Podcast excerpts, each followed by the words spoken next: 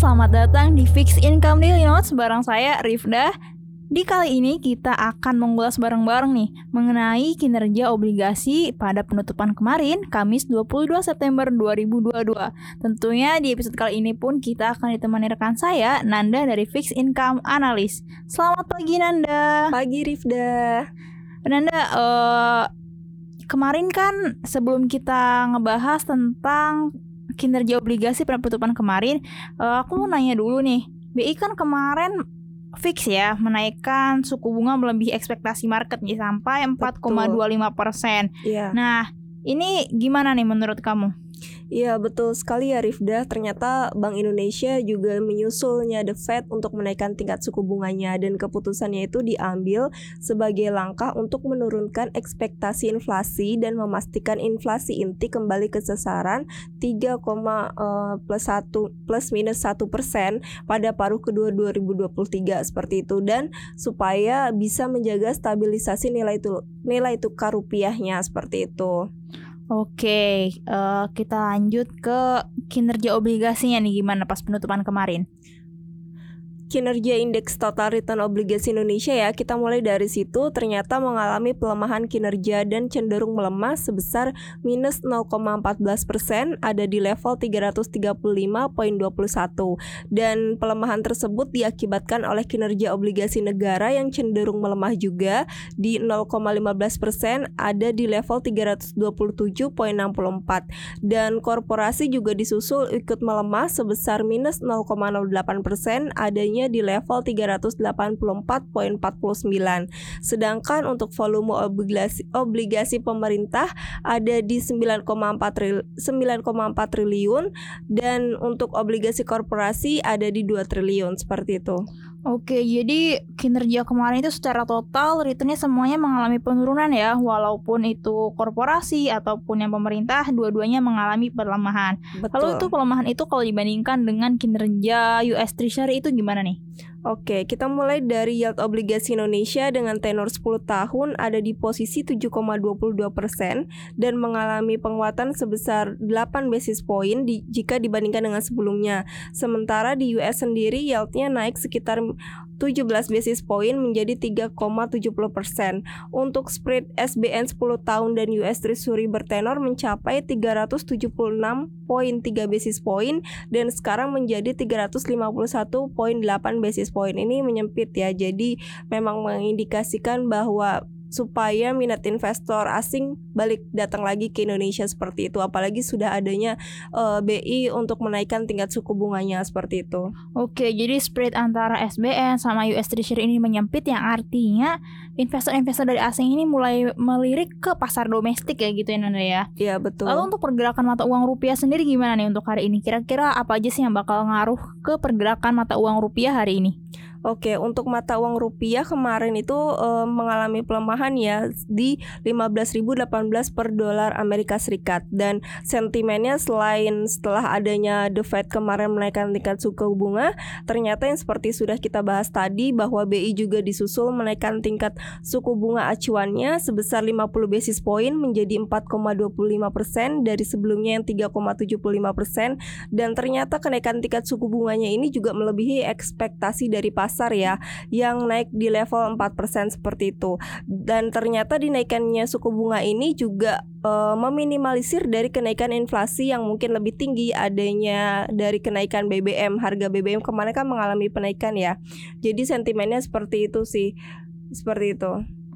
Oh, berarti bisa kita artikan sebagai kebijakan moneter yang diambil BI ini cukup tepat ya buat menekan laju inflasi yang ada di Indonesia saat ini. Betul sekali, apalagi uh, kenaikan suku bunga B ini juga uh, kita perlu mengingat juga apa yang dilakukan oleh negara-negara lain ya. Dia juga mereka pada menaikkan tingkat suku bunganya. Negara maju juga meningkat uh, meningkat juga menaikkan tingkat suku bunganya supaya investment risknya lebih uh, apa yang sebagai negara berkembang nih kita yang investment risknya lebih tinggi dibandingkan negara maju uh, sehingga dirasa kenaikan suku bunga ini adalah tepat ya supaya investor asing itu kembali juga berinvestasi di Indonesia seperti itu. Oke, kita lanjut ke obligasi Indonesia yang merupakan seri benchmarknya nih. Eh, kira-kira pas kemarin penutupan ini gimana kondisinya?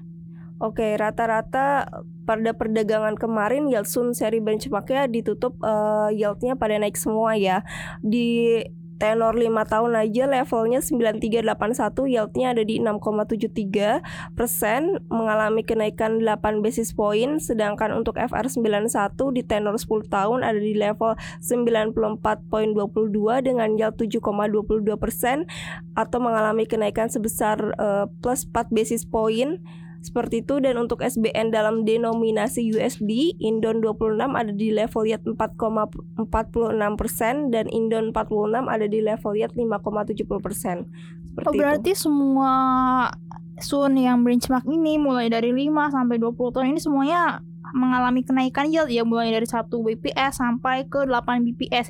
Apa itu penyebabnya gara-gara penyesuaian tingkat suku bunga itu ya Nanda? Iya betul. Uh, jadi memang BI selain menaikkan tingkat suku bunga ini sehingga bisa ada potensi ya untuk membatasi pergerakan rupiah seperti itu diharapkan seperti itu. Berarti membatasi rupiah agar tidak lanjut melemah gitu ya? Iya tidak terkoreksi terlalu dalam lah seperti itu. Oke lalu untuk seri obligasi yang paling banyak ditransaksikan itu kemarin apa nih? Oke, uh, kemarin ada seri FR91 Sun yang paling aktif dengan volumenya mencapai 1,2 triliun dan ada SMAR 04 BCN1 yang paling aktif juga uh, volumenya mencapai 270 miliar seperti itu. Oke, kita lanjut ke CDS nih. Gimana nih level CDS Indonesia ini? Oke, uh, credit default swap 5 tahun Indonesia per hari ini ada di level 111 0,84 dan posisi tersebut ternyata naik sebesar 15,35 persen ya dibandingkan dengan satu minggu yang lalu di September tanggal 15 2022 ada di level 96,96 tapi uh, probabilitas defaultnya masih terjaga seperti itu. Oke, jadi Indonesia masih bisa menjaga probabilitas defaultnya gitu. Jadi investor itu bisa lebih tenang gitu ya Nanda ya. Lalu yeah. untuk pandangan terkait pasar obligasi ke depan ini gimana nih? Oke, okay, uh, eh, setelah adanya sentimen dari luar ternyata kenaikan suku bunga US juga sesuai ekspektasi pasar ya. Kemudian BI juga seperti itu. Uh, selain itu juga BI dalam menaikkan suku bunga acuan BI 7 days repo rate yang sebesar 50 basis point menjadi 4,25 persen. Ini dampaknya terhadap SBN juga BI menjaga stabilisasi nilai tukar rupiah dengan meningkatkan SBN bagi masuknya portofolio asing melalui SBN jangka pendek sejalan dengan kenaikan suku bunga BI 7 days repo rate dan kenaikan struktur yield SBN jangka panjang yang lebih rendah. Jadi eh, BI ini melakukan operation twist ya. Di sini bahwa operation twist ini maksudnya adalah BI banyak menjual SBN tenor pendek dan membeli SBN di tenor panjang. Jadi uh, skema ini tuh diharapkan dapat meningkatkan daya tarik investasi karena imbal hasilnya menarik dan uh, apa pada akhirnya membantu juga stabilitas nilai tukar rupiah seperti itu. Seperti yang kita ketahui juga kondisi market di hari ini ternyata eh, rata-rata uh, untuk yang bisa jadi menarik ditransaksikan ada FR81 dan PBS 17 ya. E, dengan kupon PBS 17 ada di 6,125% dengan FR81 ada di kupon 6,50% seperti itu. Oke, jadi uh, kita rangkum untuk hari ini. Jadi kebijakan moneter dari Bank Indonesia untuk meningkatkan suku bunga ini diharapkan bisa uh, menahan pelemahan rupiah itu agar tidak berlanjut gitu ya, agar bisa mendorong penguatan rupiah, juga bisa uh, menurunkan tingkat inflasi dengan target Bank Indonesia. Inflasi ting tingkat inflasi Indonesia itu sekitar 3 plus minus satu persen. Juga dengan adanya operation twist ini diharapkan investor asing ini mulai kembali melirik dan masuk ke pasar obligasi dalam negeri. Ya betul sekali Oke, kawan Visto, untuk podcast Fix Income Daily Notes ini kita sudahi di sini. Untuk teman-teman kawan Visto yang mau lebih tahu tentang investasi, silahkan kunjungi website kami di investasiku.id. Investasiku for better tomorrow.